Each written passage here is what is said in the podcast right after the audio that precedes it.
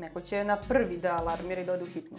A šta je panični napad? E, Zato je jako bitno, terapeut ne radi svojim iskustvom, ne daje savjet iz svog iskustva. Mislim, sve su to stvari u kojima smo mi potpuno nezaštićeni sami, mali u odnosu na veliki ugrožavajući svet.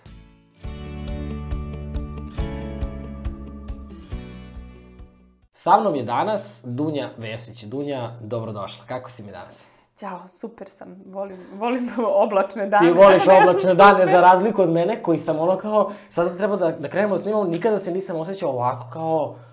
Mm, re, downu nekom. Da, ali ne u downu da mi je dosadno, nego sam stvarno kao... Mm, možda zato što imam utisak da ćemo voditi ozbiljan razgovor, za razliku od nekih prethodnih podcasta gde je bilo, ne znam, ako si gledala sa Đoletom Stojkovićem, vrištali smo od smeha. I glumac a, iz Vojne akademije. I o, tako da nekako, inače volim što, je, što mi podcast daje mogućnost da je prelazim iz naš ozbiljnih da, da, da, tema da. u neke drugi i tako dalje. I danas sam, odnosno juče kad sam se spremao za ovaj razgovor, sam zaista imao utisak da ćemo pričati o važnim stvarima. Pričat ćemo o, odmah na početku samo da najavim uh, da ti si izbacila novu elektronsku knjigu, odnosno objavila.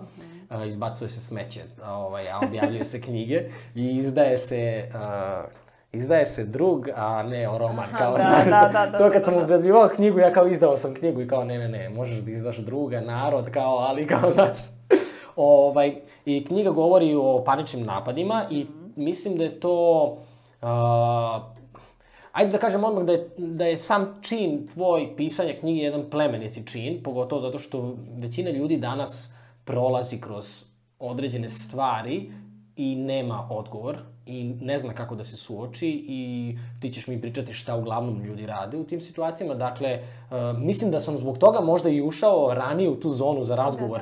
kao ozbiljnosti, jer, jer, znaš, kao, malo pre kad smo, kad smo dolazili, sećaš se koliko smo se smijali i tako dalje, i sad kao potpuno nešto ono drugačije. Tako da, ajde odmah na početku uh, neko, uh, ajde kao malo laganije pitanje, svrha života. Koja je po... Šalim. Okej. Šalim se. Morali smo da razbijemo ovo. Da, da, da. Preozbiljno je bilo. Ti si psihoterapeut. Uh, preskočit ćemo najuopštenije pitanje, to je šta je psihoterapija, jer će nam trebati koliko, četiri godine studiranja. Molim te, da, da, Okej. da, da, da. Ajde da kažem, otprilike, ko se tebi javlja, mislim da je, uh, da više čak nije ni kod nas, ne znam, ti me ispravi, ali mislim da više nije ni kod nas toliki bauk tražiti psihoterapeuta i nije toliko kao, recimo, pred desetak godina. Da. Ili možda 20 godina. U svetu je to verovatno mnogo brže dolazilo do, do izražaja, da tako kažem. Ajde, ko se tebi javlja kao psihoterapeutu, šta mogu da očekuju, nešto uopšteno čisto od ljudi koji su čuli za psihoterapiju, ali imaju i dalje odbojnost ili ne znaju šta je, zanima ih, da napravimo taj uvod pa ćemo nastaviti dalje. Ne, sad razmišljam, znaš, kad me neko tako pita, ja ne znam da li sam ja uopšte prava osoba da dam odgovore. Jer meni se javljaju ljudi koji su spremni, koji hoće da rade na sebi, koji nemaju problem. Ili ne govore nikome, ali rade na tome. I onda ja nemam, u stvari, u svom svetu mnogo ljudi koji imaju neka drugačija mišljenja. Aha, okej. I stvarno okej. mislim da u, u, u, i- ono što ja mogu da primetim je da je manji stid. Da je manje ljudi koji kriju kada dođu. To je jedino što ja mogu da kažem da primetim. Ne znam, na, prvom dejtu jedna klijentinja kaže, na, prvom- dejtu ja uvek kažem, "E, ja idem na psihoterapiju. I čekam reakciju, znaš, kao da vidim. Ako mu je to okej, ako je to normalno za njega, ja znam s kim pričam. Ali ako mu to nije normalno, e, kao, okej, vidim već predrasude, neke A nešto, koja ja je ne mogu glavna da se bavim. Pa da si lud. Ok, znači kod tebe ne dolaze ludaci. Ok, ljudi, čuli ste. da, ok. Ne, ne, Znaš stvarno. kako neko, jedan terapeut je rekao, kod mene ne dolaze ludaci, ludake dovode. Aha, okej. Ko je sad neozbiljan, znaš kao, ne, ne, to se stvarno događa.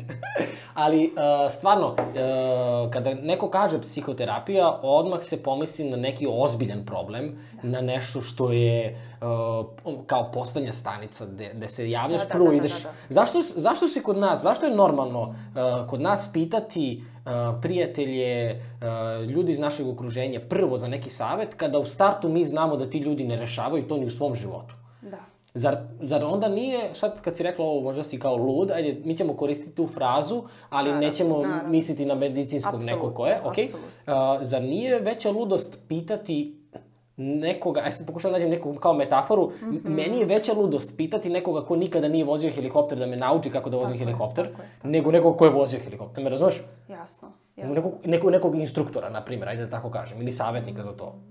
Znaš, zašto ljudi dolaze, zašto se prvo... Pa nekako se podrazumeva da mi svi treba sve da znamo. Sad razmišljam o tome ko ja hoću da, ne znam, vozim avion, Znaš, ja ću kažem, ja se spremam u školi za, ne znam, pilota i tako. I to je nekako, kako, svi bismo to primili kao zanimljivo. Mm -hmm. Ako idem kod, kod instruktora, uh, instruktora, to je više onda kao, oni smatraju lekar, za glavu, šta to znači? Znaš, ok, da ne znam da vozim avion, ali mm kako ja sad ne znam šta, šta hoću, ne znam ne, nešto da postignem, ne mogu da se izborim sa nekim osjećajem, e to je onda već nešto što povlači stid. Jer onda, onda nije lako reći, ej, pa znaš šta, krenula sam kod instruktora svog za, ne znam, lični razvoj. To može kaže neko ko je vrlo svestan da radi na tome da se da usavrši svoje neke veštine i tako dalje, ali ako neko dolazi u teskobi, baš u problemu, to za njega nije nešto sa čime može se pohvali kao krenuo sam na časove letenja. Wow, da, da. Super, časovi letenja. To je potpuno nešto drugo. Znaš što sam još primetio kod ljudi koji sam upoznao baš kroz podcast, uh, većina njih mi je rekla, onih veoma uspešnih ljudi, većina njih mi je rekla da idu na terapije već godinama mm -hmm. i setio sam se u stvari uh, kada sam čitao coaching, hoću da napravimo i paralelu između coachinga mm -hmm. i terapije, uh, kada sam čitao nešto o coachingu i neka, nikad neću zaboraviti tu priču kada je na početku, kada su postali, kada su napravili automobile, uh, prve automobile su vozili najbogatiji ljudi mm -hmm. I zapravo je lični razvoj upravo dolazi oni koji su već uspešni, oni koji imaju novac, koji oni imaju utisak, aha, ej, pa čekaj, ja treba da radim više na sebi. A oni ljudi koji su, koji nisu ni svesni da treba da radim on, njima je to suludo, njima je to budalaština, njima je to bacanje para, gubljenje vremena i tako dalje. Jer se to poklapa i sa nekim tvojim iskustvom? Pa da, da, ide to iz, iz uh, mislim sad da ne širimo na, na e, pitanje države i odlučivanja nekih većih, krupnijih stvari, Prosto ako nemaš svest o nekim vrednostima ili da je nešto potrebno, to su za tebe samo gluposti, basanje para i slično. Mm -hmm. Mislim, počet kulture. Da, da, da, da. I da, mentalne da, higijene. Da, da. To ti je to. To je negde, znaš, zašto se bavimo time? Imaš druge obaveze, treba da se radi, da se zaradi, šta sad vi tu... Ne znam, Ali zapravo ti ovo olakšava da zaradiš više, da Naravno. budeš bolji suprug, partner. Naravno, to ide sve iz te predrasude E, da mi sve treba da znamo. Uh -huh. I da mhm. smo se mi rođeni naučili ili da, ne znam, ja, znaš se iz porodice. Mislim, ja prvo moju, mo, mogu moju porodicu da stavim tu, da se ja ne bavim ovim. Ja nisam sigurna kako bi oni razmišljali. Ne zato što prosto bi nešto branili. Mislim, naravno, vjerojatno bi bilo ok raditi šta hoćeš.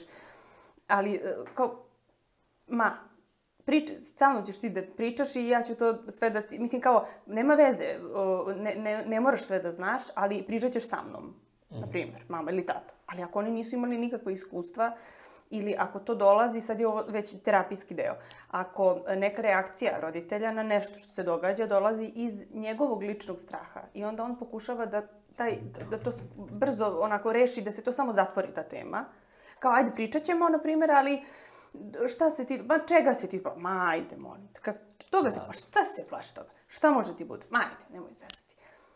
I ti u tom trenutku možeš samo se poučeš i kažeš pa da, u stvari, okej, okay, moj strah nije okej. Okay. Mm -hmm. I da zadovoljiš mamu i tatu koji su uplašeni u stvari iz neke njihove, da kažem, tegobe ranije koju oni isto ne poznaju, koja je nesvesna. I ti onda se povlačiš, nisi rešio problem, ali nemaš više ni slobodu da pričaš o tome. Zato što je to kao, šta sad? Šta, šta, mislim, nema rešenja. I što sad i da izlazim i da pričam o tome, ako će oni da odreaguju iz nekog straha. Znaš kako uglavnom ono, to bude... Šta se plašiš? Trema ko trema. Da, da. Sa trema, malo treme i prođe. Kao, pa dobro, ali ja i dalje imam tremu. Ali to ide i do nekih krupnih stvari. U suštini, sad kad si ovo rekla, uh, razmišljao sam u stvari kako uh, ne osuđujem sada roditelji i tako dalje, svi smo mi žrtve žrtava, ali uh, nabijati si neke osjećaje krivice zato što si uopšte pomislio da, aj uzmem primjer treme koji je, meni nije prirodno, ne znam sad kao, ne, ne sjećam se da sam nekada imao tremu, ali da. ok, kažem, uh, i sa druge strane, osim krivice i taj stid. -hmm, mm. I to dolazi u stvari da je sramota tražiti pomoć, jer ono prvi put kad si tražio pomoć od nekoga kome veruješ roditeljima i kada su ti zatvorili vrata i kao nemoj to uopšte da...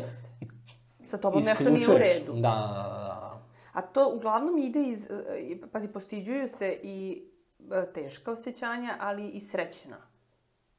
Znaš, to je, e, ti imaš moment u kom se, na primjer, roditelj, recimo, uplaši neke emocije, Mislim, imala situaciju s jednom klijentkinjom gde je ona čitala neku bajku koja je strašno u tom momentu uh, rastužila, kad je bila mala. I sad, u stvari svaki put je rastužila, kada god je čitala. I njena majka uzela bacila tu slikovnicu, tu šta je već bila bajka neka. Uh, nije ni važno, neću kažem koja je, da ne bi Ma, ovaj, naravno, bilo previše. I ona se, ona se u stvari prestravila, jer nije znala šta će sa tugom deteta. Nije mhm. znala šta se to dešava. Tebi ta slikovnica ti nešto izaziva. A u stvari slikovnica govorila neku priču u kojoj su postojali elementi koji su postojali i u životu te devojčice. Ta devojčica, moja klijentkinja, nekada davno, je u stvari pozivala kroz to. Pozivala je, htela je nešto da je kaže. Mislim, niko neće plakati slučajno. Pozivale, pozivale, mama se prestravila zbog njenih trauma koje je imala i tako dalje, koje su potpuno ostale zaustavljene, potisnute, neprorađene. I ona je bacila slikovnicu, mislila da će reši problem. Naprimjer, to je deo kod, kod teških osjećanja. A ti znaš za ove naše izreke poznate, e, kad si e, nešto se raduješ, pa nešto... Čuti, nemoj... Da, da, da, nemoj da slutiš kao... Polako, polako, ne, ne, nemoj, to, nemoj da pričaš, znaš, e, pre nego što se nešto dogodi srećno, ti si čuo nešto, ne, nemam mm. pojma, uh, desit će se nešto lepo i sad hoćeš nekom kažeš nemoj, nemoj da izbaksuziraš. Ili nemoj mnogo da, znaš, izbaksuzirat ćeš. Da, Ti da. momentalno zaustavljaš spontani pokret deteta koji se raduje. E, nešto se lepo dogodilo. Znaš, lepo je da budemo u tome. Hoću da kažem drugarici, hoću da kažem, ne znam, tetki kad dođe. Hoću... Ali ako ja dobijem preki pogled koji kao, ne možeš tako. Ili se nešto, nešto posle desi kao, eto vidiš, a ti na sva zvona pričaš. I onda si stalno u nekoj zaustavljenosti, da nisi siguran kad je šta okej okay da kažeš, da li je okej okay da, da se raduješ, da li je okej okay da budeš tužan, da li je okej okay da budeš slab. I sve to zavisi od reakcije okoline i od njihovih pa kažem, njihove pozadine, mi to zovemo background, pa sam ja usvojila tu reč, od njihovog backgrounda koji u stvari uh, donosi ili neke traume ili bilo šta, kažem, ta mama koja je bila u svojim traumama, ona nije znala da, da uh, nosi tu tugu deteta. Ona se prestravila, nije znala šta će s njom. I onda je samo zaustavila. Nije bilo podrške da, da to pozivamo, da izađe, da čujemo, da vidimo šta se dešava. E to je recimo ono što radimo u psihoterapiji. Da svako osjećanje, svaka emocija ima svoje mesto i da vidimo šta je to. Možda je u ovom momentu ne znam, slušam te, ti mi govoriš o nečemu, vidim jake, uh, intenzivne emocije u, u, u, povezane sa nekom temom, ali ne znam, još uvek ne znam šta je to. Ok, polako, priča i dalje. Znači, nećemo na taj način zaustaviti i reći, pa dobro, šta sad, mislim, logično, nema tu nikakvih Pa okej, okay, što? Pa živiš neki normalno život, ne vidim ja tu nikakav problem. To što ja ne vidim. Znaš, možda ja iz mog iskustva ne bi tu videla nikakav problem, jer je za mene to ništa posebno. Zato je jako bitno, terapeut ne radi svojim iskustvom, ne daje savjet iz svog iskustva. Mislim, ili ne, ne mogu da kažem uh, da nešto nije važno ako je tebi važno, ali s druge strane, uh, postoje stvari koje ti ne vidiš, koje ti, kao pa dobro, bilo je to, bilo je to, bilo je to i ne znam, selio sam se ovde, selio sam se tamo, desilo se ovo, desilo se ono i sve je, ali dobro, ja sam to sve prevazišao, ali imam panične napade. E onda ja kažem, aha, okej, okay, okej. Okay. Onda ja vraćam, sad uvodim i u temu, jer mi je to super primer. Vraćam u stvari na uh, ona iskustva preko kojih smo mi prešli kao dobro, pa dobro šta, kao prevazišao sam, jesi, preživeo si. I to je sve. A da li si to proradio u sebi ili sad imaš repove koji te sapliću, to je već druga tema. Uh mhm. -huh. A sad samo da te vratim na ovo što si rekla da ne samo da pokazujemo slabost uh -huh. i tako mhm. dalje. Uh, razmišljam sad sve vreme o tome kako je u stvari slabost opisana kao nemoj da pokazuješ emocije, nemoj da mhm. pokazuješ da nešto ne znaš, mm nemoj da poka nemoj da plačeš pred drugima, nemoj da šta god, šta god, nemoj da pokažeš da nemaš samopouzdanja i force, pravi se taj neki ogroman mehur tog pritiska koji, koji mislim da je to, o, sad hoću da čujem i tvoje mišljenje, mislim da je to potpuno pogrešno, mislim da u stvari su najjači ljudi koji su u svakom trenutku spremni da pokažu emociju, da je, o, ja sam, sad sam snimio mislim da će izaći pre vlog, u stvari pričao sam o tome kako je uh, kada sakriješ da ne znaš, gubiš priliku da naučiš i gubiš priliku da pitaš. Tako je. Znaš, I, i, i da tražiš podršku. Tako je. To je to. Pazi, e, mi često govorimo o odsustvu podrške. Ali nije podrška samo kad, e, odsustvo podrške samo kad nemaš ljude oko sebe, kad ne, nego kad ne posežeš za istom. Mm. Znaš, mnogi ljudi, recimo, kao pa imate prijatelje, da imaš, da li postoji neko kome bi mogao da nešto kažeš uvek, pa to kao pa postoji, pa, pa otkud niste pričali o tome, pa... E, onda tu ulaziš u to polje, pa mi ne pričamo o takvim stvarima. Aha. Um, pa ne znam, kako, bilo je situacija da nekom se nešto desi, uglavnom to bude kao, a da, vrate, ono, proći će to. A, a znam, je, jeste tako, posebno kod muškaraca. A dobro, će to. Da, da. I to se samo onako šmekerski prođe, ali ne, ne, osoba ne uspe da pokaže u stvari svoju teskobu i da se samo, da malo stanemo pored toga. Znaš, kao, a, do, šta se dešava, kako se osjećaš? A šta znači stati pored toga? Pa evo to, šta, kako se osjećaš? Aha, što, nebitno, nešto se dogodilo, nešto si uplašen. Nije rešenje da ti kaže, ma de, nemoj biti uplašen, šta sad, bit će to sve okej, okay. samo glavu gore, nemoj da misliš o tome, to je katastrofa. Tako, nemoj da misliš o tome, osmeh na lice i idemo dalje. Mislim, šta smo rešili? Ništa. E, znači, samo nije, nije, nije dobro da guramo drugu osobu da ide dalje, da pređe preko toga što pre. Iako je to, naravno, to, mislim, prirodna potreba. Svako ko će ti pomogne, kao nemoj biti tužan, budi srećan. Znaš, ima sad ovih nekih zezalica stalno.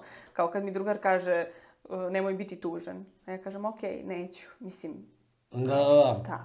Ali e, mislim da je to i zamka, ovaj, danas ćemo pričati o tvojoj knjizi, ali sam počeo mm -hmm. da mhm. pišem novu knjigu gde upravo pričam, pišem o tome zamke ličnog razvoja i taj osjećaj da moraš da budeš bolji, Super. da moraš da budeš jači, da moraš da izađeš i da mhm. pokidaš i ostalo, nas u stvari nas kida same i nas uništava umesto da nam pomogne i olakša. Uh, A, ali ajde da se vratimo na ovo čemu smo, o, se, zbog čega smo se danas okupili. O, Oko ovaj, velikom broju. da, da, u krugu Podgorice. To mi je jedan od najsmešnijih tweetova. ovaj, panični napadi. Uh, kako se... Mm, ajde, ajde krenemo u stvari od tog nekog uopštenog dela. Šta nam govori panični napad? Zašto se javlja? Sad ti uh, nekako upakuj to mm -hmm. da, da to bude jasno da su u ovom nekom vremenskom okviru u kom da, smo da, se da, dogovorili, da, da. ali mnogo mi je važna ova tema, znaš, zato što ja nisam siguran da li ja nekada prolazim kroz to i, i samo sam sklonio sa strane, zato sam i hteo da pričamo o, o ovome, zato mi je baš bilo kao važno, jer nisam siguran da li se to meni možda i dešava, da ja nisam ni svestan toga. Da li to da, može da se dogodi tako? Da, ima toga. Može, može. Jer, jer neko može da se dogodi jednom i da se više ne dogodi ili dva puta i da to vežeš za, e, nisam jeo nešto, nisam spavao dobro ili nešto i onda se, znaš, kao, pređeš preko toga. Neko će na prvi da alarmira i da ode u hitnu. A šta je panični napad? Um, sad, kod tih uh, senzacija koje se javljaju, to prepunje Google, ne bih o tome. Znaš, okay. lupanje srca, doživlje i da gubiš razum, uh, da ćeš da se nesvestiš, znojenje dlanova.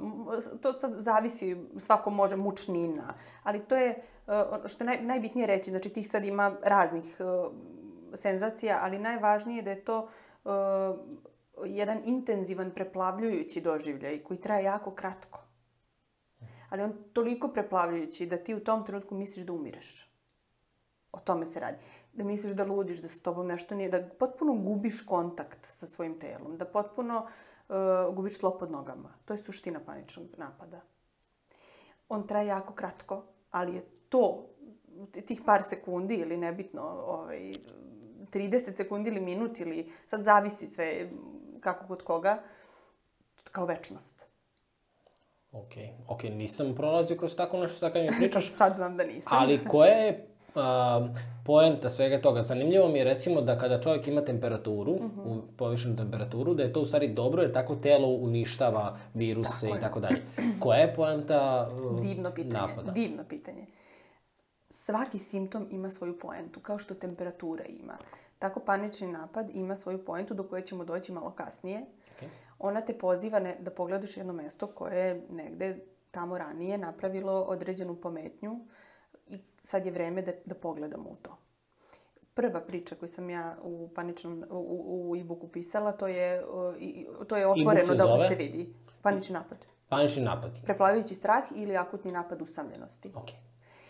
Jer se pravi razlika između straha i usamljenosti. Sad ćemo o tome da pričamo. Um, ta prva priča govori o um, devojci koja je sad u ovom prethodnom, prvom talasu virusa o, i, i celog tog haosa koji se podigao i kupovine praznih rafova i, i o, pravljenje zaliha i tako dalje.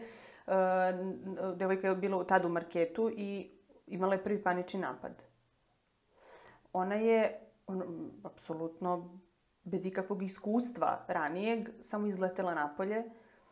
U, naravno, ne, ne u prvoj sekundi, ali kao vidi nešto nije dobro i po, pozlilo mi je. Mm -hmm. Tako mi kaže, izašla sam napolje. Uh, I ona je u stvari u tom momentu, to se to kasnije mi saznajemo, doživela u stvari uh, vraćanje na stari moment kad je um, kad su se selili oni, oni su iz jednog ratnog, ratnog područja, da tako kažem, um, gde su bile vrlo slične scene. Jednog paničnog prikupljanja namirnica. To je moment koji se njoj potpuno nesvesno vratio, jer ona mislila da ona sve to preživela, da je to sve, jeste preživela, ja to uvek kažem, da, preživeo si, nastavio si dalje. Ali u sledećoj situaciji u, ko, u kojoj ona osjeća da se nešto veliko događa, sprema, da ona ne može da utiče na to, da je mala i nemoćna u odnosu na globalnu situaciju, mislim, budimo realni, u tom momentu se samo desi okidač. To je, mislim da smo nešto pričali u prethodnom podcastu vezano za to, mm -hmm. uh, ti si pominjao poplave i tako dalje, moment kad, kad, se, kad ta trauma ostane utisnuta i u nekom momentu se aktivira. Da sam te da ti kažem to, da je meni je... Uh, sad, sad, teo sam da pitam da li ljudi imaju izbor u, takvim situacijama, jer meni je kada sam uh, primetio, kada sam osetio uzbunu, kada sam osetio da se nešto dešava. I meni je to mnogo ličilo na trenutak kada, kada se desila poplava i kada mi nismo bili spremni.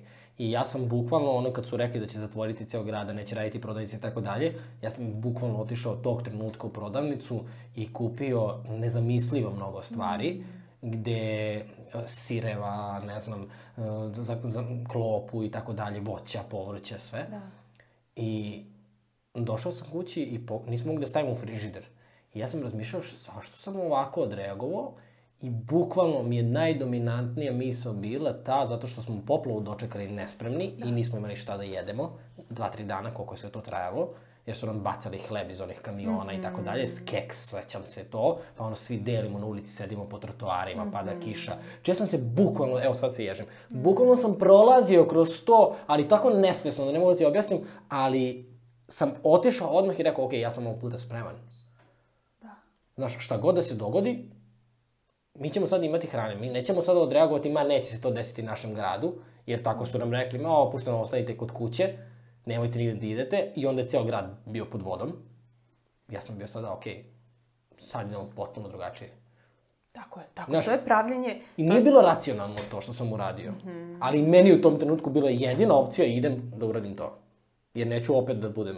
Tako je, ali si prepoznao. Pazi, nije bilo racionalno. To je ono što će prvo da izleti. Prvo ide uh, taj uh, impuls koji, koji nekad ne izdrži, nekad ga vidimo kroz strah, nekad vidimo kroz neke sulude reakcije. Prvo ide taj, uh, taj impuls iz stomaka. Ali onda mi se pozivamo na, znaš, uvek mi pravimo dijalog između doživljaja u stomaku između uma. Ne možemo mi samo da, znaš, kao um nabildujemo da ide na, u jednom smeru, to neće raditi dugo. Znači, u tom momentu ti prepoznaješ da se javio strah i da si iz tog straha nešto napravio, ali um je uh, napravio razliku između trenutka u kom si, to, to je ono na što stalno pozivam i u, i u tim smernicama i tehnikama u ivuku na sadašnji trenutak. Razne tehnike, koju god da tehnika odgovara nekom, da se vrati u sadržaj. I sad, I sad ima onih raznih, ne znam, da pipneš nešto, sad gledam ovaj pliš, nešto što je nežno, što je, ne znam, da mirišeš ne, neku prirod, ne znam, limun, ko voli miris limuna, pomoranđa, jabuke ili šta god i tako dalje, da te vrati tu gde si, i da napraviš razliku. Sad da bi napravio razliku, ti prvo možeš budeš svestan toga što se dogodilo ranije i da to dođe brzo uh, u tvoju svesnost u momentu dok radiš nešto drugo. Tako da to je super, ko može da napravi razliku, razumeš, ali ne može čovek uvek da dođe dotle odakle je nešto krenulo. Tako ja da mislim da sam sada, kad je drugi talas su pominjali, sada nisam imao taj impuls uopšte. Kao, sad sam znao, aha, okej, okay, polako sad drugačije, znaš. Ali da nisam osvestio taj prvi put, taj prvi, to je bio strah. Mislim, ne, ne, ne znam kako bih ga drugačije nazvao, ali da nisam toga bio svestan, verovatno bih opet otrčao i kao, yes. meni uopšte nije bilo, vidio sam ljude koji osuđuju na društvenim mrežama kao kupujete mnogo i tako dalje. Čekaj bre, pa ti ne znaš ti, ja sam tako, tako počeo raditi, pa ne znaš da li je taj čovek možda izbeglica, Da li, ga je, da, da su ga isterali iz kuće, da li je bio podstanar pa je ostao bez ičega i nikada više neće dozvoliti to. Da. Znaš kao, Absolutno. prosto ono, bukvalno sam se kao malo ono, iz one ptiče perspektive da gledam yes. malo stvari kako stvarno, iz trećeg lica, znaš kao. Jeste. Baš, baš zanimljivo. Šta su još uzroci osim tog nekog okidača, odnosno osim da, tih nekih prošlosti? Da se samo vratim na to. Aha, znači, naravno. Kod, da, da napravimo prvo razliku između paničnih napada i paničnog poremećaja. Uh mhm. -huh. To je vrlo bitno za sam početak. Znači, rekli smo šta je panični napad. Uh, on može da bude uh, um, deo fobije, znači ne mora da bude poremećaj, može, može da bude generalizovani anksiodni poremećaj, može da bude specifični, može, ali može da bude deo neke fobije, nekog poremećaja, ne mora da bude panični, sam za sebe strah od pauka, to, fobija od pauka, tako dalje. Znači, vidim pauka, doživim neviđenu paniku. Stvarno? Ne ja. Šalim se, šalim se, šalim se. Okej. da, pre, preozbiljni smo, vraćaš, praviš balans. Moram malo, okay, moram malo. Sviđa mi se balans. Uglavnom, e, e, može da ide iz fobije, iz posttraumatskog nekog e, posttraumatski sindrom ili kako se već zove. E, onda iz disbalansa hormonskog, ako se previše luči um, ovaj, kako se adrenalin ili nemam pojma, uh, kortizol, imaš preveliko uzbuđenje. I iz toga, recimo, može da dođe, uh, jer se uplašiš toga, na primjer, onda tu kreće panični napad. Ali panični poremećaj je kada ti već svoj život potpuno organizuješ u odnosu na uh, ta iskustva, plašeći se da će ponovo doći, pa izbjegavajući ta mesta, organizujući čitav život, tražeći da stalno neko bude tu, da ti ne budeš sam i tako dalje. Znači ti se onda potpuno, potpuno te okupira strah od sledećeg. I kad te to na taj način organizuje u tvom životu, ti onda već možeš da govoriš o, pani, o kliničkoj slici. Uh mhm. Sad stalno pominju kliničke slike ovde, ali ovo je u stvari kliničkoj situaciji koja je, koje, koju možemo nazvati panični poremećaj. Tako da to su dve različite stvari. Ne mora svako ko je doživljavao panične napade da ima panični poremećaj. To je jako bitno reći. Tako da, to je za početak. Ok.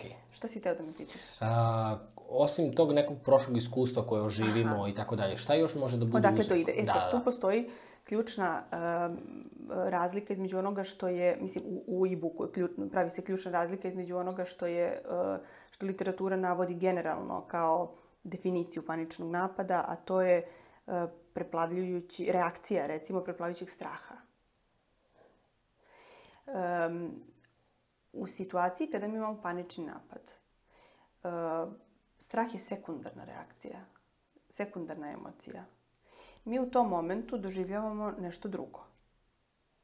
A to je? A to je, seti se one moje klijentkinje u supermarketu u kom ona najnormalnije kupuje nešto i samo ima lupanje srca, vrtoglavicu i Ona se, ona Uzbuna. se nije ničega uplašila u tom trenutku. Ona nije imala emociju straha. Njen sistem, sad su to istraživanja, sistem straha nije bio upaljen. Dakle, kod ljudi koji imaju panične napade, kortizol i adrenalin nisu povišeni. Tu se javlja glavna razlika. Mi ne možemo da govorimo o strahu ako sistem straha nije, nije upaljen. On se tek aktivira nakon toga. U momentu uh, kada, kada ja doživljavam sve te senzacije, uh, ja i dalje, kao, aha, nešto mi nije dobro ili šta god, o, čekaj da, da, da se uhvatim za nešto ili sad zavisi kako kod koga uh, ili kod jedne klijentke koja je na manikiru bila mora što pre da ustane, ne može više da izdrži to, tu zarobljenost na tom mestu. Uh, ona u tom momentu nije, nije se uplašila nečega pa o, o, hoće, znaš, taj sistem straha te aktivira na ono, beži ili bori se. Preživljavanje, da, da. Ti nemaš potrebu da bežiš ili da se boriš. Ti ulaziš u jednu uh, uh, potrebu da zoveš nekog da ti pomogne. Ti ulaziš u vapaj, poziv. U tom momentu, u stvari, Da, to je jako bitna, bitna stvar je da još podaci koji podržavaju ovu teoriju, znači to je moj profesor Gianni Franceseti iz Torina, kod kog sam na specializaciji, to je e, nešto čime se on bavio godinama i tamo smo onda i mi radili na doktoratu i na specializaciji dosta na toj temi. Ja sam smatrala jako važno da se o tome priča više. E, on je, e, on je inače psihijatar i napravio razliku između anksiolitika i antidepresiva kod, u tretmanu paničnih napada. E, antidepresivi su oni koji pomažu. Za razliku od tih anksiolitika koji su kao u stvari lek za anksioznost i tako dalje. To, on kaže da, je, da su antidepresivi u stvari lek koji redukuje potrebu za drugim. Tako je, što je meni vrlo zanimljivo. Znači, tebi kad dođe klijent, uh, tebi, mislim, meni ili Dobro. klijent sa paničnim napadom, on uh, neće reći da on misli da u tom trenutku se javlja neka opasnost i da, da, da je on zaista ugrožen. On kaže, ja znam da nema realne opasnosti, ali ja se i dalje plašim. Zato mi, ako, ako idemo s tim uh, da radimo na strahovima, mi nismo mnogo napravili. Zato što mi onda radimo na nekom razumevanju straha, redukovanjem, pravljanjem nek nekog okvira u kom ćemo videti da strah nije realan. Ali svaki klijent kaže, ja znam da u tom trenutku, ne znam, supermarket, ni, ni, nemam čega da se plašim u tom trenutku. Ali i dalje se javlja strah. Ili, na primjer, plašim se opet da odem u supermarket, tamo je uvek sve isto, mirno, ali ja se sad plašim da će se opet to dogoditi. Tako da tu e, rad na strahu samom je rad na simptomu opet. Mislim, strah je samo još jedna posledica. Zato je važno da se vratimo na uh, to bazično iskustvo koje... Uh, sad već da ti ispričam. Znaš ti uh, ovu priču o Bogu Panu? Ajde. Bog Pan se rodio, majka ga je uh, videla uh, na svetlosti dana, videla da je on pola čovjek, polu jarac I prestravila se i ostavila ga i otišla. On je ostao sam u šumi, šuma je inače po Jungu nesvesno i tako. Ostao je sam, nezaštićen, bez ikakve medijacije, bez ikakvog, znaš, ušuškanog gnezda koje, koje će da ga priprema za dalji svet. E, postoje sad neke verzije da ga je otac poveo na Olimp, ali su ga tamo i ne, ismeli i on se vratio ponovo u šumu. Opet imamo taj pokret povlačenja. Um, mislim opet, sad to je meni opet zato što sam sto puta već ovaj, pričala o tome, znači pokret povlačenja, skrivanja i to je ono neizlaženja u svet, neposezanja za podrškom, za uh, uh, neiznošenje potrebe za drugim. Jer su mu se, na primjer, ismeli ili šta god, jer da se majka uplašila i pobegla i on je ostao tu sam. To je suštinsko, suštinski važno za razumevanje uh, iskustva panike tebi kad dođe klijent, on neće reći uh, da, pošto to kao jedan od strahova je strah od umiranja i, i, i strah od ludila. To su naj... naj strah od ludila, stvarno? Da, da. To ti je sve strah od onostranog. Mm -hmm. Znaš, uh, kad umiramo, umiramo sami. Jel? Znaš, sve su to stvari u kojima smo mi potpuno nezaštićeni sami, mali, u odnosu na veliki, ugrožavajući svet. To je pravo iskustvo panike nakon toga tek u stvari, nakon senzacija koje ti se dogode u samom paničnom napadu dolazi strah od njih, e onda strah od toga da ti se opet dogoditi i strah od toga što ne znaš ni šta ti je, jel? I sad, niko neće otići kod psihologa da leči strah. Znaš, imala sam panični napad i ja sad idem kod psihologa. Ne, idem u hitnu. Mnogi su mi došli iz hitne, mislim, ne, bukvalno iz hitne, ali od lekara koji je rekao morat ćete porazgovarati s nekim. Jer oni idu da reše problem sa srcem jer će da umru jer, jer srce kad, kad, im se uzlupa, oni veruju da je to to. I niko ne kaže, uh, ja sam u tom trenutku mislil, mislila da ću umreti. To je, ne, ne, ne u stvari, um, oni, sad razmišljam u stvari koja, šta hoću da ti kažem, na koju razliku hoću da te... E, uvek se kaže, to je doživljaj umiranja. Ne kaže ti, e, tad sam imao strah od umiranja. On nije imao strah od umiranja, on je doživljavao da u tom trenutku umire. Zovi hitnu. Znači, ne zovi psihologa da me leči od straha. Jel me razumeš? Mm -hmm. Znači, to je jako bitno, to su sad onako filigranski detalji koje je bitno da razumemo da bismo shvatili uh, u šta treba da gledamo kad se bavimo paničnim napadom. I onda dolazimo u stvari na, na te prelazne periode u životu kada mi uh, prelazimo iz ikosa u polis, znaš šta je u stvari, ikos je taj kao svet, um, grad, uh, ikos, izvini, ikos je dom, a polis je grad, um, svet, uh, spoljašnji. A ikos je... Polis. A ikos je u stvari uh, ono, tvoj intimni prostor gde si sa porodicom i tako dalje. Svaki taj prelazak iz ikosa u polis odlazim na fakultet u Novi grad, u Novu zemlju, um, ne znam, zbog udaje, ženitbe, šta god, selitbe. To su sve uh, nova tla na kojima mi moramo da učimo ponovo da, da funkcionišemo, da živimo, da govorimo i slično.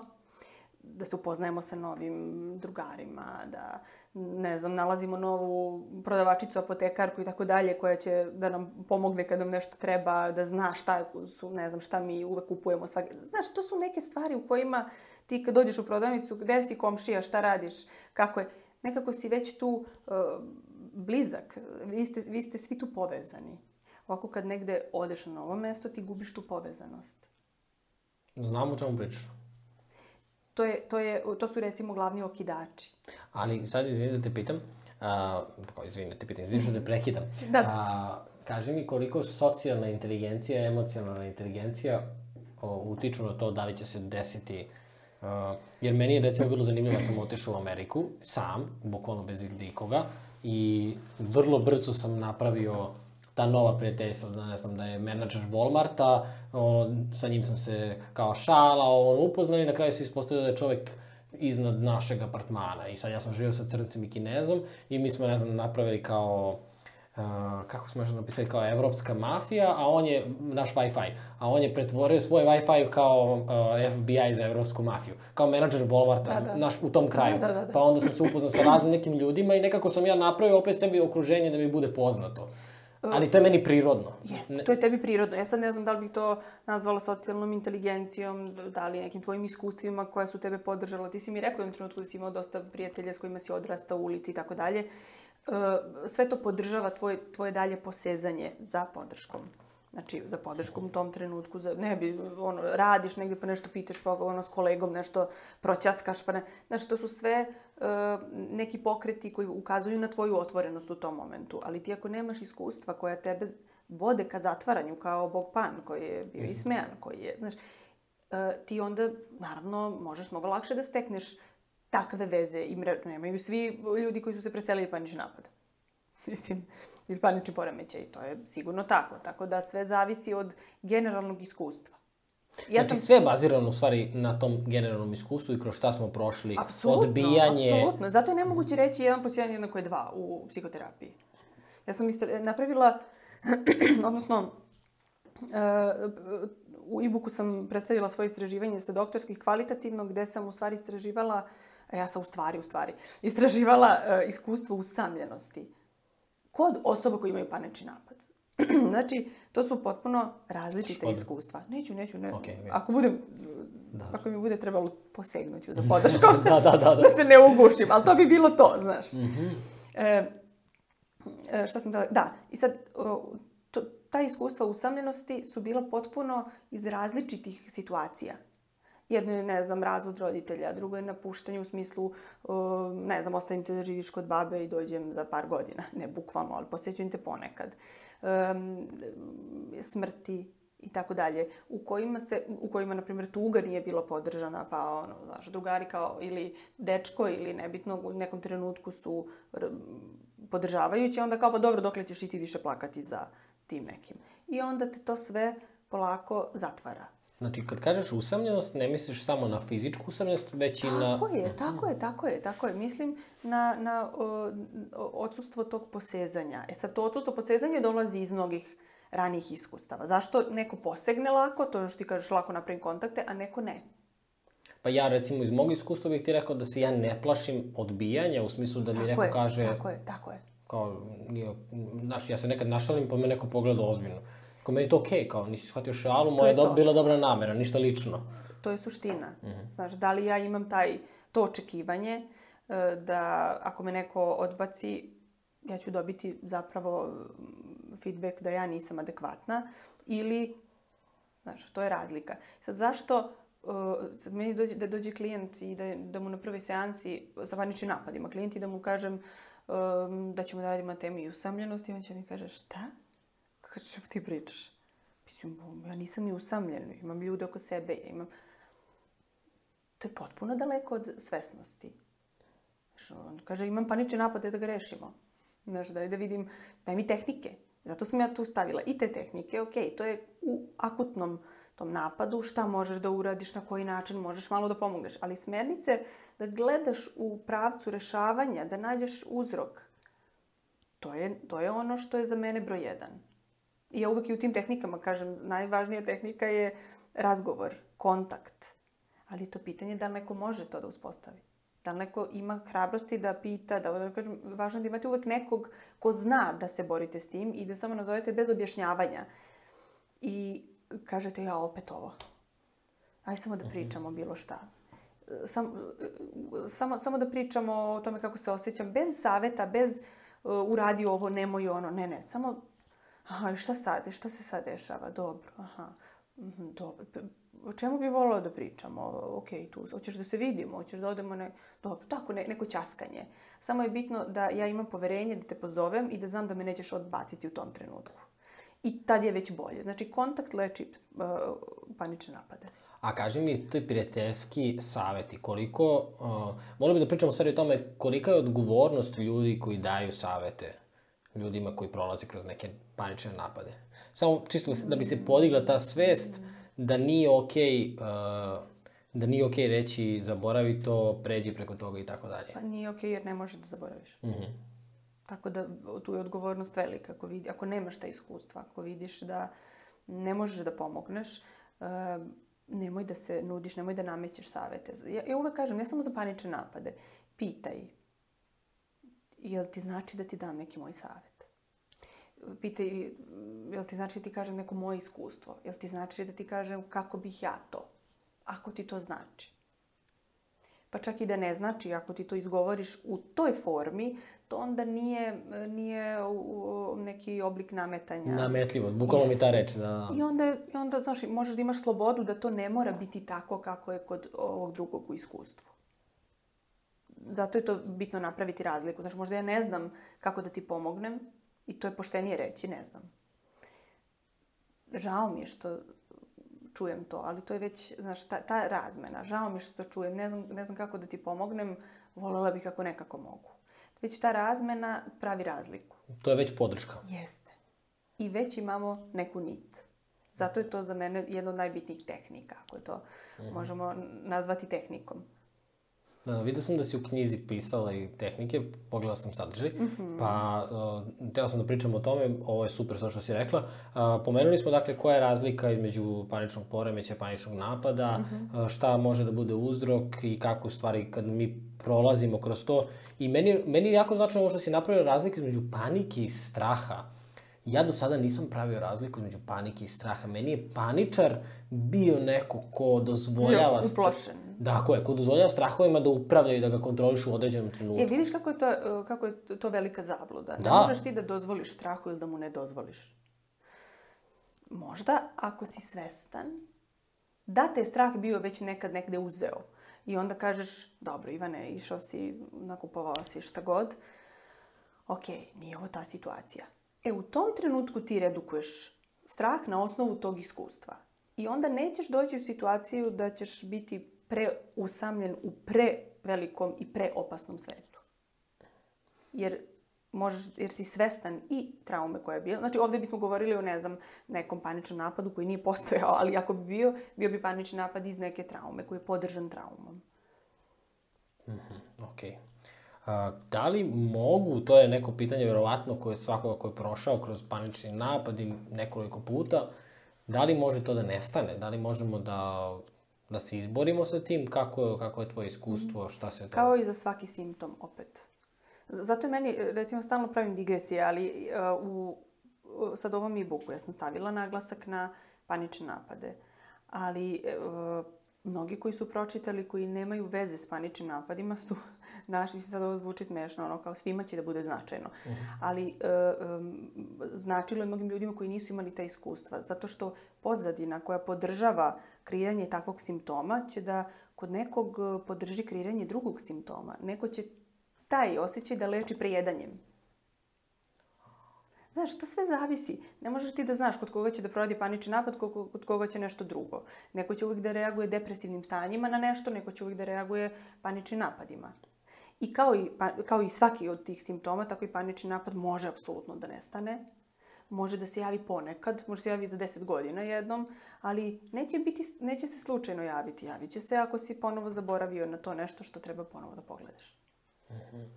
Sad kad pričaš o ovom, ja recimo u, u situacijama kada sam uznemiren, nervozan, kada se dešava nešto što me plaši, ja recimo prelazim na šalu mm -hmm. i e, to je moj izlaz, ja sam svestan toga. Da, da. Tipa, ja imam snimke, sad možemo kad se završimo da ti pokažem, gde o, na, poplava se događa i naša kuća je potpuno pod vodom. Znači, ova prostorija koju smo mi sada je potpuno pod vodom.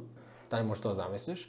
I mi smo preko puta videla si kuću na terasi mm u komšiluku i ja bukvalno snimam kamerom i mi se smejemo tu i dogovaramo se ko pravi prvi roštilj kad se sve završi. Onda voda je odnela neki auto i onda ja vičem ovo je naš sad auto, šta na, bude u našem dvorištu je naše. I totalno šala, šala, mm. šala, konstantno, jer prosto nisam znao, nisam znao drugačije kako da prođem kroz to. Znaš, kad si rekao, ovo neko ide kroz prejedanje, Znaš, meni, samo mi je to bilo kao, pa moj model je okreni na zens da. kao. Ali um, to je potpuno legitiman mehanizam odbrane. Mislim, ti znaš da je na sahranama smeh vrlo čest. Da. Sad ajde to objasni. Mislim, ti je jasno. Da, da. telo se brani. Mora nekako da ide u, u, u opozit da bi nekako izbegao toliki ponor. To ono što sam te pitao, panični napad nam šalje poruku. Tako je, šalje nam poruku i sve dok ne, ne ugledamo poruku, uh, mi ćemo da se mučimo sa simptomima. Znaš, i zato moramo da odemo u pozadinu i da pogledamo koja su to iskustva um, i ta prelazna iskustva. Znaš, panični napad se neće javiti pred penziju.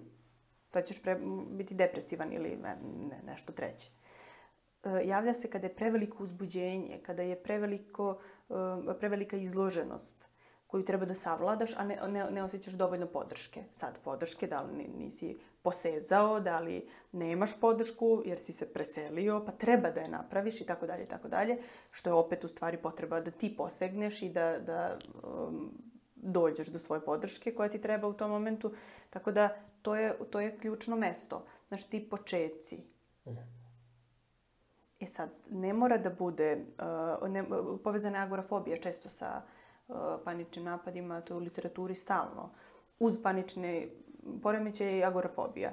Ali uh, ne mora to da bude, znaš. Uh, recimo sad sam pomislila na onaj prvi talas kad smo bili zatvoreni. To je jedan od razloga zbog čega su bili čak smanjeni kod nekog panični napadi. Zato što nisu bi, morali da idu na ovaj, agoru, nisu morali da izlaze napolje, nisu smeli, imali su razlog, opravdanje i onda su bili mirni kod kuće. To su onda, znaš, ljudi koji su, koji već iz, hoće da izbegnu svaka potencijalno opasna mesta. Dok je nekom uh, ko, ko je klaustrofobičan, naravno, to bilo mnogo teže iskustvo. Ajde, mi smo, mi smo snimali podcast pre, -hmm. to, stvari, to je bilo u tom prvom talasu, snimali smo online, -hmm. link je ispod uh, u opisu ovog videa, ako slušate, pronađite na podcastu. Uh, koja je razlika sada između on, tog sad talasa i Da, da. ljudske psihe i, i danas? Šta možeš da vidiš? Pogotovo na trenutnu aktualnu situaciju ovih Da, da. nemira, demonstracija i svega toga. Pa znaš kako, Šta tad se je, događa? tad je uh, bilo i onako iznenađujuće, um, akutno z- zaustavljaj se, sede kući, zatvaraj se, da sačekamo da prođe. I nekako su ljudi imali strpljenja, jer kao, okej, to mora, to tako treba, nego bilo je logično i, oh, okej. Nekom smeta iz ovog iz onog razloga, ali, znaš, osjećalo se strpljenje i donekle razumevanje za to. E sad, onda je sve okej, onda opet nije, e onda sad opet sedi kući ili opet um, neko ne može da radi i tako dalje. I sad se javlja taj osjećaj, ok, ovo se nikad neće završiti. sad već nema strpljenja. I to je sad doživljaj da je to, da nemaš nikakvu kontrolu. Onda imaš kontrolu. Znaš, to je čvrsta ruka zatvorila i rekla to je to. A sad nema ni toga, a ti čuješ bilo je ovo ovamo, bilo je ovo tamo, nema ovoga. I to ti stvara um, strah, možda i realni strah, jel, u tom momentu, a ti nemaš doživlje da neko kontroliše to i da je kao to, sad zatvoren si kući, pa znaš da će za dve nedelje biti okej, tri. Sad, kao, ne znaš na šta se osloniš. Sad već ne možeš da praviš planove, jer kao, bit će od septembra, bit će, ono, bit će naredne tri godine. Znaš, sad raznih informacija ima i u tome već uh, je teško naći tlo. E, to je, to je suštinska razlika, što je ono bilo pri, privremeni haos sa ponekim idejama o tome do kada će trajati, da će se vratiti od septembra drugi talas, na zimu drugi talas, ali ne, ne u, u smislu da je to sad jedan kontinuirani proces promene u kom mi sad potpuno treba da naviknemo na novu normalnost i tako. Zašto se to javlja kao jedan dugotrajni proces kom mi treba da se prilagodimo? To je razlika. Aha, ali vidiš recimo ja na tokom prvog talasa i svega toga nisam znao nikog ko je bolestan Da, i tako da, dalje. I mm, malo sam, mogu ti reći, bio nakon, nakon nepoverenje, neko sam imao, u smislu nisam znao šta se događa, ali sada ovaj drugi put sam imao, znao lično ljude koji su se razboleli, koji su bili u bolnici i ja. tako dalje i bilo mi je jako stresnije. Pa evo i ti sada vidiš ti i ja, ima, mi imamo, ovde ima razmak između mene i tebe dva metra. Da, da. Znaš? I meni je kao, ja hoću da poštem te stvari. Sada mi već kao, aha, Da, nije baš prijatno. Ne. Ja, ja se ne pozdravljam više sa klijentima. Znaš, to je ono, isto smo na dva, dva i po metra. Uh, prosto je takva situacija da ja mislim da je to kao, ajde, nismo toliko ugroženi, ali pazim. Da, to, to, nemam utisak kao, e, nisam više ni toliko uplašen da ti kažem, kao znam, okej, ali kao hoću da vodim računa koliko ja mogu da, da ispuštam te mere zbog sebe, zbog svoje porodice, kao to mi je ta neka... Jeste, jeste, odgovornost. Mislim da smo imali na početku kao tu neku ličnu odgovornost, a sada je već meni postalo kao društvena odgovornost. Znaš, kao neću da zarazim neke druge Jeste. ljude. E, ali sad je vidiš veća odgovornost generalno na nama. Ti možeš da se krećeš, da ideš, da, ali šta ćeš ti doneti u kuću i šta će da bude je pitanje, a onda ste, smo zatvoreni i nisi uopšte ni u nekom iskušenju, niti, znaš, postoje problemi u nekim prijateljskim odnosima i drugo gde neko mora da kaže ne. Kaže, izvini, ali meni ne prijava. Ma daj. Sad i tu se javlja, znaš, jer onako su te, kažem, zatvorili, ali makar nemaš odgovornost da sad ti, ti ne možeš napolje. Da. To je to. A sad ti biraš da li ćeš ovamo, da li ćeš tamo, da li ti je opasno, da li nije, da li za druge, da li za tebe. To je, to je uh, ključna razlika sad. Znaš, i onda se javlja i, i reći anksioznost, sad sam stavila kako ste na Instagram. Da, da. Znaš, ljudi su izgubljeni u, u, u tome. Isto ne, ne želim nekog da zarazim, ne želim da znam da imam virus i da se sretnem s nekim i da ga zarazim. Nekako se javlja sad ta mm, paranoja sa povećanim strahom ličnim, ličnom, ličnom odgovornošću.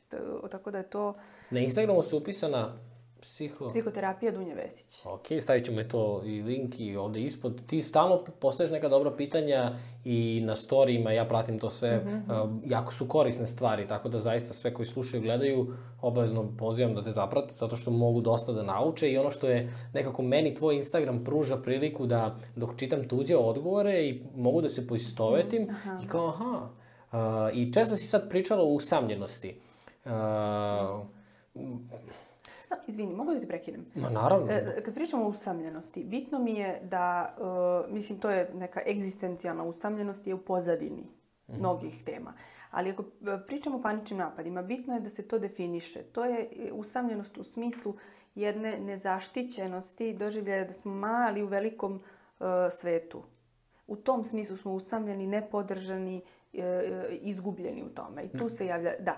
I sad, hoću samo da dovršim za panične napade. Um, jako mi je bitno isto da, da to akcentujemo ovde. Kada, kada, što se tiče usamljenosti, znači dođe klijent i njemu je usamljeno, sa paničnim napadom njemu je usamljenost poslednja tema, to mu ne pada na pamet. E, zašto? On je, to je disocirano osjećanje, to je davno ostalo tamo negde. Kada je ta osoba pozivala na pomoć, podršku, ne sećam se jednog primjera, baš tu profesora, mog, njegov primer, za klijentkinju koja je odrastala sa bratom koji ima šizofreniju.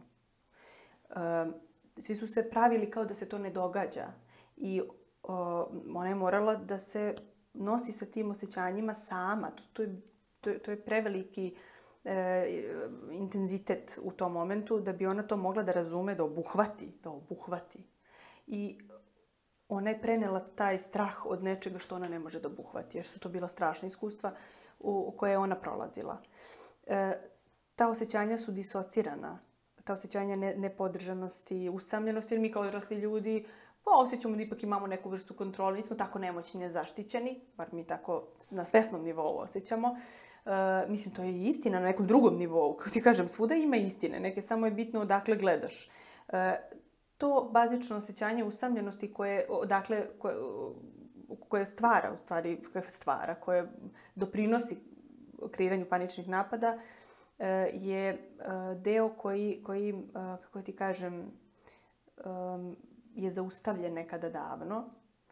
Po, potreba da se neko pozove na pomoć je zaustavljen zato što se niko nije odazivao. Ti si naučio da niko neće doći. To je suština. I ti ne pozivaš. To su uglavnom jake, o, jake osobe, čvrste ličnosti koje poriču svoju ranjivost, koje, jer oni su morali tako da prežive.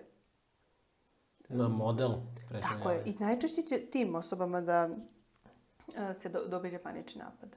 Jer je toliko taj, ta potreba za drugim, toliko disocirana, toliko je tamo negde ostala zatvorena, zaključana e, potreba. Mislim, naravno da i ti ljudi imaju potrebu za drugim, ali e, kad pričamo o nekim najtananijim osjećanjima, pokazivanju straha, neke ranjivosti, slabosti, po, poziva na pomoć, e, pokazivanju onoga, onoga što smo, to je ranjivi, nezaštićeni u nekom trenutku, zabrinuti, E, ta, taj deo je negde isečen. I onda samo mi se otvara tlo pod nogama, ne znam šta mi je. Ali znam da mi je lakše kad je neko tu. Mm -hmm. Nećeš naći nikog uh, ko ima panični napad da mu je lakše sedi sam u sobi. Da, da. Da, da, skapirao sam u stvari kad si pričala malo pre da je u stvari ta usamljenost nema veze sa fizičkom usamljenosti, nego upravo sa tim da možeš nekome da se obratiš. Ali u paničnim napadima ima i sa fizičkom. Mm -hmm. Znači, može da bude okay. jedno i drugo. Sve je može i da, ne da. mora, može ili. Znači, uvek je e, kombinacija i zavisi se od osobe do osobe. Ali kod nekog će biti značajna e, fizička, a nekom to neće biti dovoljno zato što su sami, jer ne mogu toj osobi koja je tu da kažu ništa. Ali kad se javi već ta, takva vrsta panike, e, tebe simptom tera da ti pozivaš nekog. E to je već situacija u kojoj ti nisi tu pa si tu. Pa ja sad sedim pijem kafu, ti si svakako tu. Nego ja moram da te zovem da dođeš, ali te zovem u panici da dođeš. Ja ti već pokazujem ono što inače ne smem da pokažem. Mm -hmm. I tu se već vidi šta radi panika. Gde te, na šta te poziva. I onda u tom momentu u kom je tebi teško da, uh, uglavnom se stide toga, što neko treba da bude tu i ta klijentkinja isto, to, iste prve priče kaže, ti misliš da je to normalno, sad mama ide sa mnom u prodavnicu. Tu se javlja veliki stid. Onda dodatni strah, šta ako se to tako nastavi? E, zato mi gledamo u ove teme. Zašto je do toga došlo? Mm -hmm. to je to. Kao što, pitao sam te, znači, panični napadi mogu da nestanu, može da se... Naravno, ako, okay. ako pronađeš poruku. Mm -hmm. Mislim, naravno da možeš da je pronađeš. Što je i tvoj zadatak kao neko ko radi sa ljudima. Da pogledamo šta je, šta je uh, ono što je bio neki uzrok. Znači, kažem, to su stvarno različite situacije. Apsolutno ne moraju da budu dve iste i ne, mora, ne možemo tako da ih identifikujemo. Možemo da nađemo ne, neke e, generalne slike tih tako prelaznih perioda, to iz ikosa zaštićenog mesta u Polisu, jedno otvoreno novo mesto na polju, gde, smo ne, gde prosto nismo na taj način ušuškani, kao, znači, dođe, dolaziš kući, kucaš i kažeš ja sam, a ovamo kod advokata kucaš i taj i taj, sa tom i tom potrebom, idejom, prosto imaš mnogo veću odgovornost. Ako nemaš podršku toj odgovornosti, ti si, tebi se tlo pod nogama u stvari ljulja ili se um, razdvaja, kako god hoćeš. Da, da. Ba, imao sam utisak da ćemo pričati o ovako ozbiljnim stvarima i, i stvarno, stvarno, znaš kao, još uvek, još uvek obrađujem sve ovo. Uh, pričali smo prošli put o, o strahovima, u podcastu mhm, Anksiozno smo mhm. spominjali, pričali smo tvoj put, psihoterapiju i da, tako da, da, dalje. Da, da. I tad smo pomenuli da u stvari ljudi olako kažu, eto, ja sam depresivan, ili ja, ja imam anksioznost i nekako se o, oslobode neke lične odgovornosti za svoje postupke ili za svoje nepostupke, mm -hmm. time što se etiketiraju. Kaži mi, da li ljudi sa paničnim napadima čine sličnu stvar ili ljudi s paničnim napadima stvarno žele da se oslobode toga? Ne žele da im to bude etiketa. Kako je? Ili ima razlike tu? Me razumeš šta sam teo da te pitam? Naravno, naravno. Mm -hmm. Vidi, meni je sa ljudima koji imaju panični poremećaj ili panične napade iz bilo kojih drugih uh, poremećaja ili životnih situacija, cilj da oni budu okej okay s tim. Znači, s obzirom da tu ima dosta stida, um, ne bih to gledala kao etiketiranje u smislu odbacivanja odgovornosti, nego sa prevazilaženjem istih, prevazilaženjem paničnih napada, kroz ono što jeste suština, a to je pokazivanje slabosti. Tako da, kada oni kažu imam panične, panične napade, borim se s tim, oni ipak govore o svojoj nekoj potrebi da neko bude tu u tom momentu, e, da ne znaju šta im se događa. Kad god ti se događa nešto što ne znaš šta je i ti tražiš neki, neku, neki odgovor, ti si u tom momentu, uh, to je neka slabost. A sad ja kad kažem slabost, ja ne mislim da je to nešto što je loše, to je prirodno. Mi smo svi, svi imamo neke svoje slabosti. Znaš, pa ja dobro, i ti... sad baš. Pa Šans, sad ne znam. Ali to je to. Da, da. Svi imamo te slabosti, samo uh, je pitanje da li je neko spreman da bude u kontaktu sa njima, da, da ih pri, prihvati, prizna, da ih nekome kaže. A kaži mi koliko je uh, ovo sve o čemu smo pričali sada, -hmm. zapravo možda i poziv za ljubav ili ljubav prema sebi, mm -hmm. kako je... Pa to mi je sve vreme dok sebi, pričaš. Ljubav prema svim svojim prema svim aspektima tvog bića, a to je i prema tom koji je slab, prema tom koji je doživao panični napad, ovaj, mm. koji je kreirao panični napad, tvoj, tvoj deo bića koji te poziva da ga prihvatiš, da ga sagledaš, da kažeš da je okej okay i da nekad ne možeš da se izboriš s nekim i da te drugi vidi slab, da te vidi da si slab. da, da. E, da te vidi u potrebi, to sam htela da kažem, da, da te vidi u potrebi, jer ljudi se stide da budu u nekoj potrebi. Meni ne treba ništa, ne treba mi niko. Ja mislim da je panični napad u stvari da podsjećanje da mi ne možemo da budemo sami na svetu i da mi ne, ne smemo biti uh, autono, uh, autonomni uh, bez sistema podrške.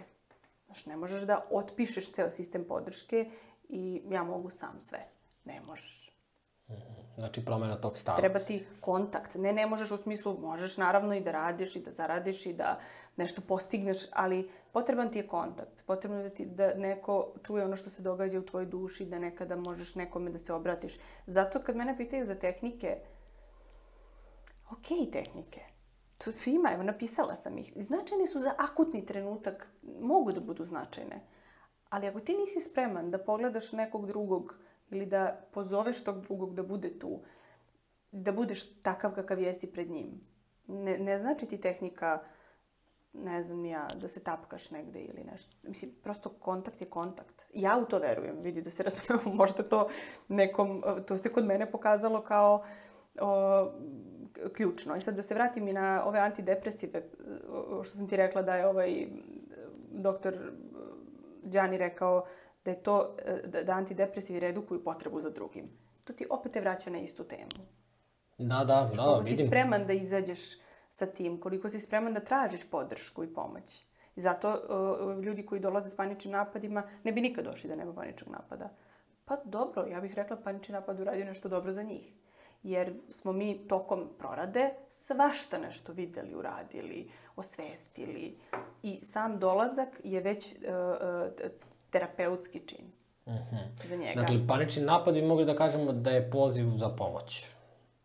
To je, Okej. to je vapaj. Vapaj, da. Bukvalno mi ta reč bila, ali kao panični napad, pa p, p sam teo da iskoristim poziv za pomoć. Moć, Ali mo, sad- moće, može i to.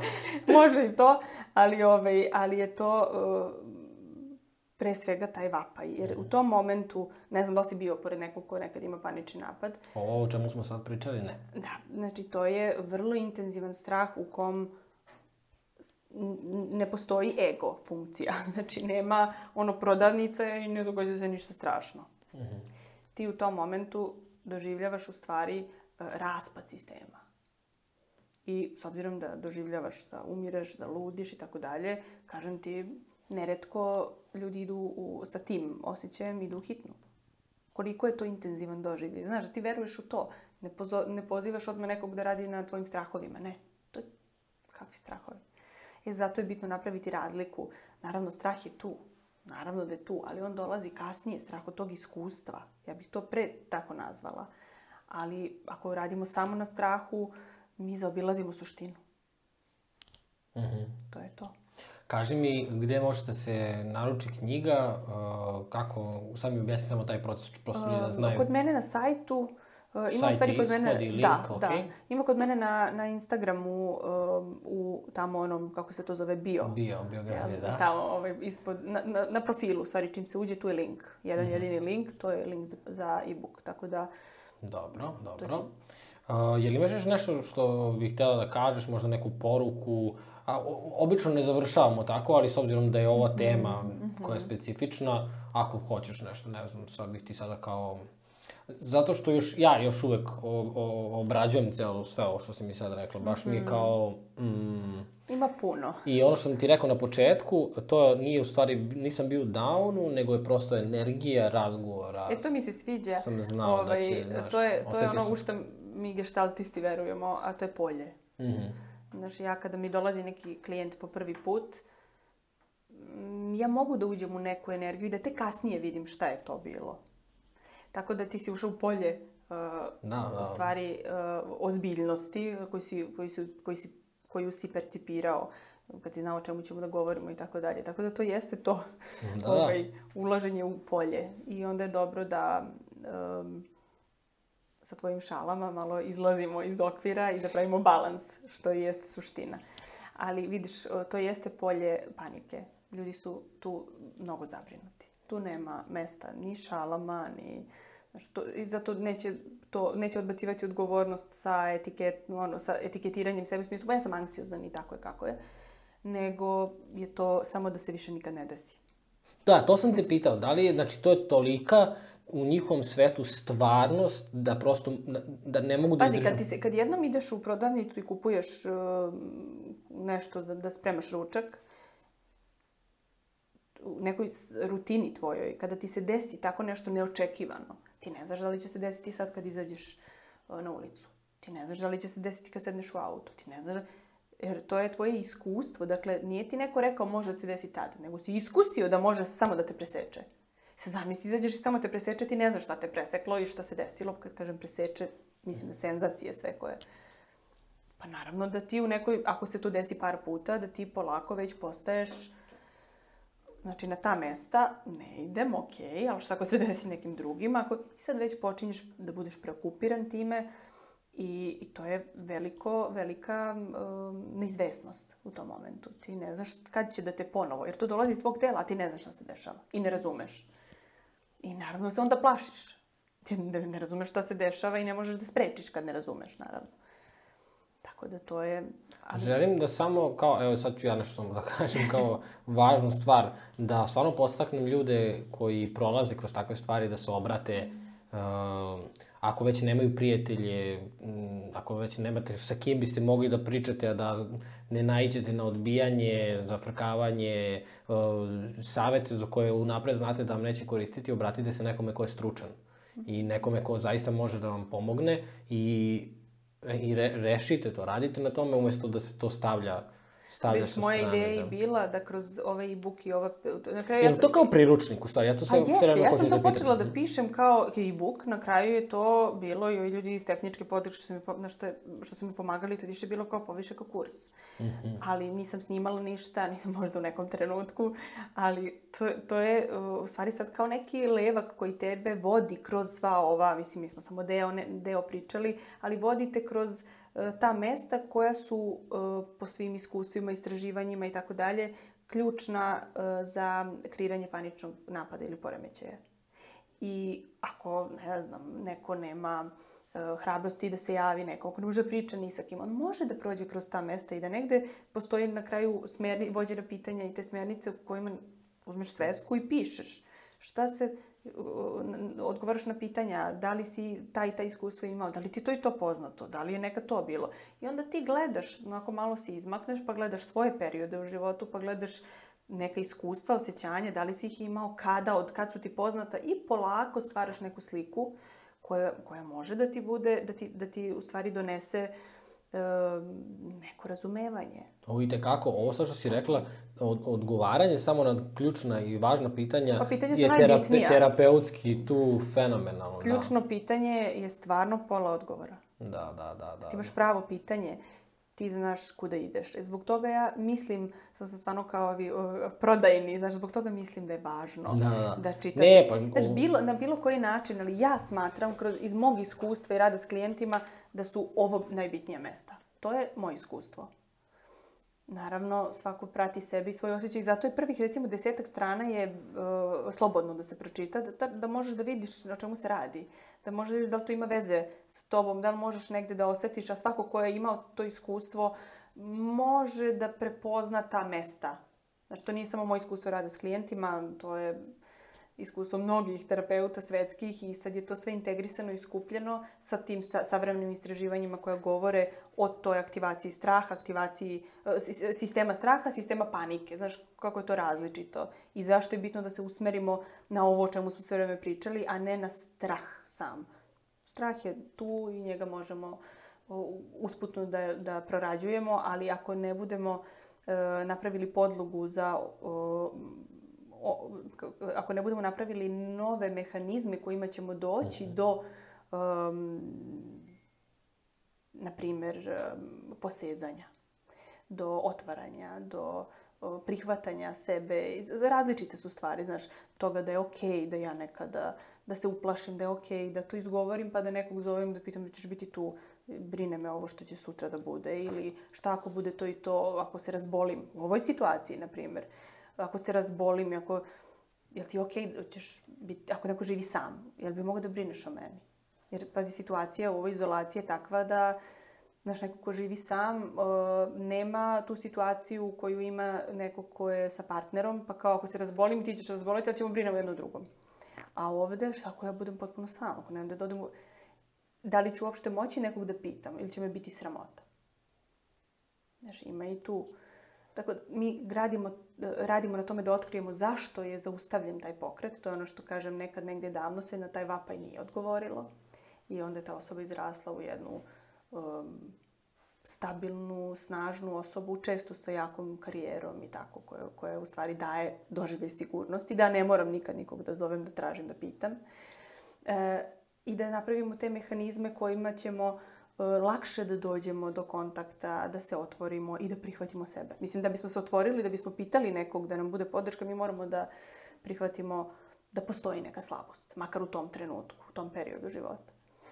Mislim da je ovo, sad što si rekla, super da završimo ovaj razgovor i mislim da je stvarno kao uh, jako važno o čemu smo pričali i samo sad možda će kao biti dosadan drugima, ali stvarno od početka razgovora mnogo mi je zanimljivo to kako sam se osjećao drugačije i stvari koje smo rekli mm, su i tekako važni. Ono na početku što sam ti rekao da je plemeniti tvoj put u stvari sa tom knjigom i sve što radiš je samo u stvari pokazatelj u ova vrednost o čemu smo sada pričali je ogromna i mnogo ti hvala na, na vremenu, na, na želji da podeliš ovo sa ljudima ovako otvoreno i na svemu što radiš, stvarno.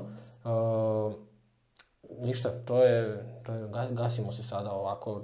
Hvala svima što ste slušali, hvala vama što ste gledali. Pišite mi dole komentare, Dunju kontaktirajte na Instagramu, može i preko sajta. Uh, tako dolaze stvari, tako, tako se zakazuju seanse, sajt, Instagram ili kako? Sa seansama sam sad Aha. Okay, samo okay. ovaj, uh, e-book može se nađe i e na Instagramu, preko Instagrama okay. se ode i ovamo. Hvala tebi stvarno na, na ovim pitanjima, vrlo mi je važno i s kim razgovaramo o ovome i rekla sam ti prošli put, uh, nisam tip koji tek treba se naviknem da pričam sama u ovaj, kameru, ali znači mi kad imam prisustvo, u stvari, a ti si ušao celim bićem samim tim što si osjećao energiju polja paničnih napada, ne baš polja paničnih napada, nisi to osetio, da. ali polja u stvari ozbiljnosti koju nosi mhm. ova tema, um, znači mi način na koji si bio prisutan, na koji si stvarno vodio ovaj razgovor. Tako da hvala i tebi. Hvala tebi. Vidimo se sledećeg petka.